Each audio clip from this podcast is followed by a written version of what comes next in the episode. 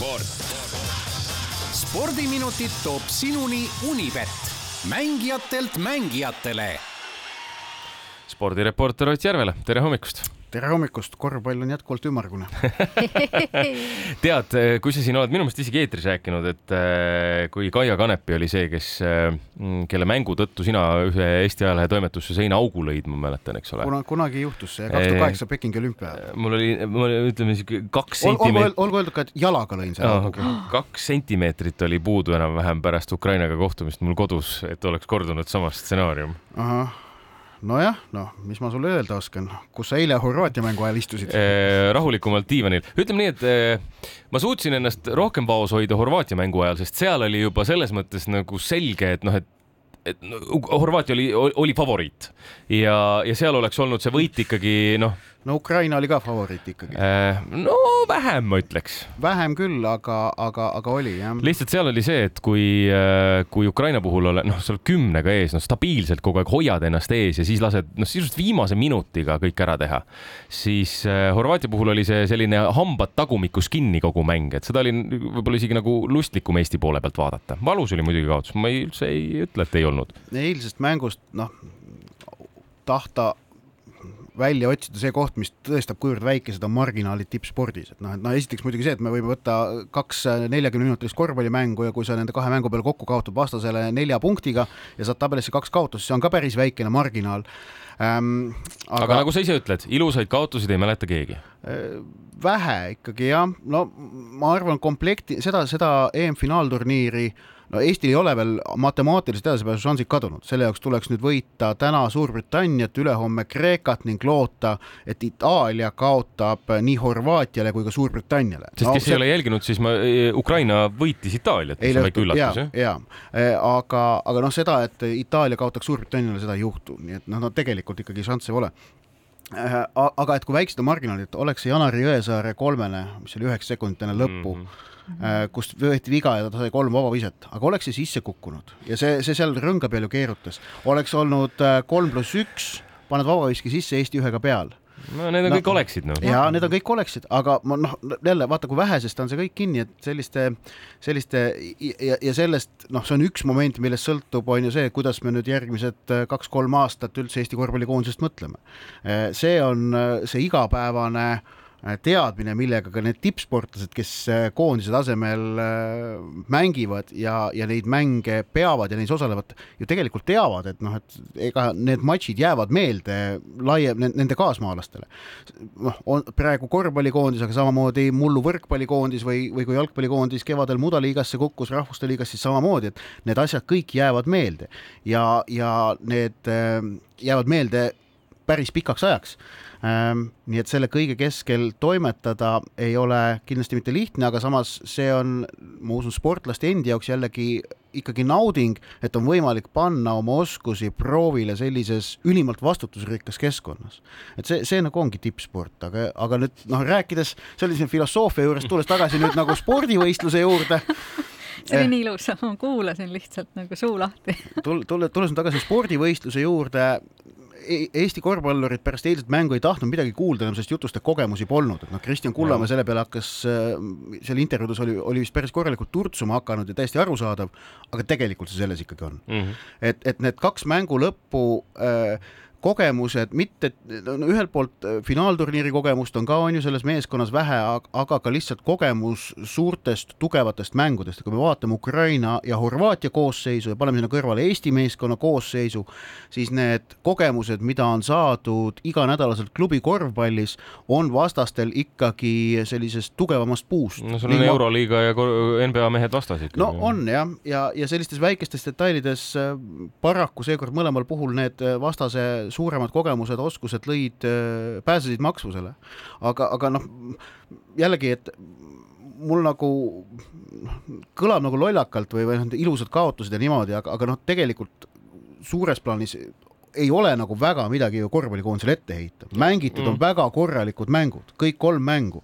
ei mingeid sellist nagu suurt ärakukkumist, ei mingit äh, lõdvaks laskmist, distsipliin on paigas, plaan on paigas, süsteem toimib ja ma saan aru, et äh, sportmänge, võistlusmänge vaadatakse ju põnevuse pärast ja põnev ju oli, kui sul Oi, jaa, jaa. kõik kolm mängu on põnev olnud. No, jah. ega, Siis on ju eesmärk täidetud. no Itaalia vastu okei okay, no see ei olnud põnev tõesti, jah. see, see, see niivõrd väga mitte, aga vaadates tänasesse otsa, täna siis kell viisteist viisteist Eesti-Suurbritannia mäng ning, ning selles mängus tõesti on Eesti soosik, Unibeti koefitsientide järgi Eesti võidušanss hinnatakse kuskil kuuekümne viiele protsendile.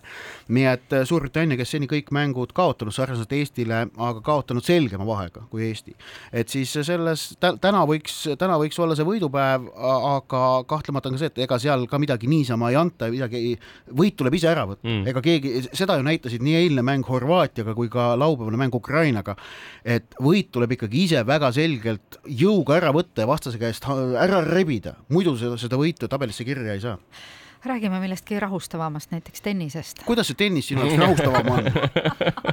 mõtle ise, pall, pall läheb sentimeeter out ja sellepärast inimene kaotab mängu ja sa oled, sa suhtud niimoodi ükskõikselt sellesse draamasse. Ott, närvirakkude taastumise üle vaieldakse teadlaste seas siiamaani, väga paljud on seisukohal, et need ei taastu mitte kunagi. nii säästa ennast. Eh, nojah, jah eh,. aga vaadates seda, mis USA lahtistel eh, toimub, siis kui me siin päris mitu aastat on tegelikult olnud ju o- valitsenud eh, tipptennises olukord, kus eh, meeste üksikmängus soosikud võtavad oma ja valitsevad ning naiste üksikmängus me näeme kord pidevalt, kuidas eh, liidrid vahetuvad. liidrid vahetuvad ja, ja öö, suure slam'i turniirid lõpevad väga erinevate mängijate võiduga, siis praegu paistab USA lahtistel on asi natukene vastupidi, sellepärast kui vaatame naiste veerandfinaalide koosseisu, siis on seal kolm eh, maailm, ei vabandust, neli maailma esikümne mängijat ja ainus asetamata mängija on Ayla Tomljanovic, see, see, kes too, kes alistas Serena Williamsi mm.. aga samas ja Iga Swiatek, maailma esireket suursoosik, on jätkuvalt konkurentsis, kuigi tal siin viimati sakslanna Niemeier vastu läks eh, vaja kolmandat setti, tõsi, ta selle võitis kuus-null. aga meeste üksikmängu tabelit vaadates, siis esiteks ti, ti, tiitlikaitsja ja maailma esireket Danil Medvedjev kukkus välja ja, ja ta kaotab maailma esireketi koha.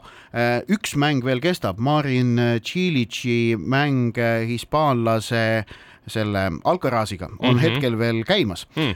et üks veerandfinalist on selgumata, aga muidu no ja Alcaraz on maailma esikümne mängija, aga kui tema nüüd selle matši võidab, siis on maailma esikümne mängijaid kaheksa parema seas kolm ja kõige kõrgemat asetust omab siis Kasper Ruud, kes on hetkel ähm, viienda asetusega. tema on, tema on praegu taganud veerandfinaalkoha ehk et nagu meeste seas on neid üllatusi rohkem. esimest korda väga pika aja jooksul kaheksa parema seas ei ole ei Nadali, Federerit, Djokovic'i ega, ega Andy Murry't on ju, et, et noh ja, ja, ja Medvedjev kaotas siis Nick Kyrgiosele meil on paar minutit, et vaadata veidikene ette nüüd ka Ja. jalgpallile ja täna algab meistrite liiga uus hooaeg.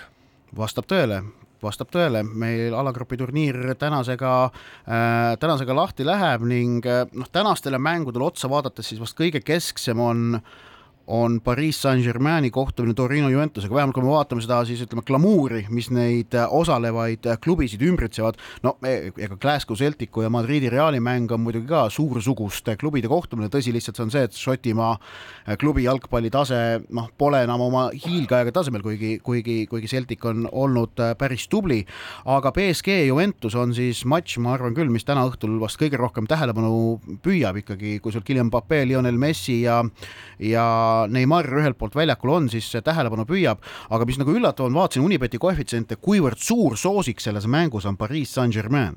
Nende võidu tõenäosust hinnatakse seal seitsmekümne protsendi kanti. Juventusele antakse napid kümme protsenti ja noh, me räägime siin Torino Juventusest, kes eelmise kümnendi keskel jõudis kahel korral meistrite liigas finaali. jah, tõsi, nad kaotasid need mõlemad finaalid, aga tegemist on Itaalia viimase viieteistkümne aasta selgelt kõige edukama klubiga, aga noh, näha on praegu, et Serie A tippudel on meistrite liigas äh, selle tippläbilöögivõime säilitamine keeruline. Ja, ja kui me räägime soosikutest meistrite liiga hooaja kontekstis, siis on Inglismaa klubid ja mandri pealt on Real, Barca, BSG, Bayern, need, kellel me näeme reaalset varianti ka see meistrite liiga ära võita. Itaalia klubisid nende sekka praegu ma ei asetaks aga reedel, kui äh, Ott räägib, siis saab juba kokkuvõtte teha ka Eesti koondise esitusest alagrupi turniiril, sest siis on olnud ära minu meelest ju ka viimane mäng Kreekaga, jah, neljapäeval peaks olema. nii et äh, siis saab koos kokkuvõtte. turvalist vaatamist. jah, kõigile. sport. spordiminutid toob sinuni Unibet, mängijatelt mängijatele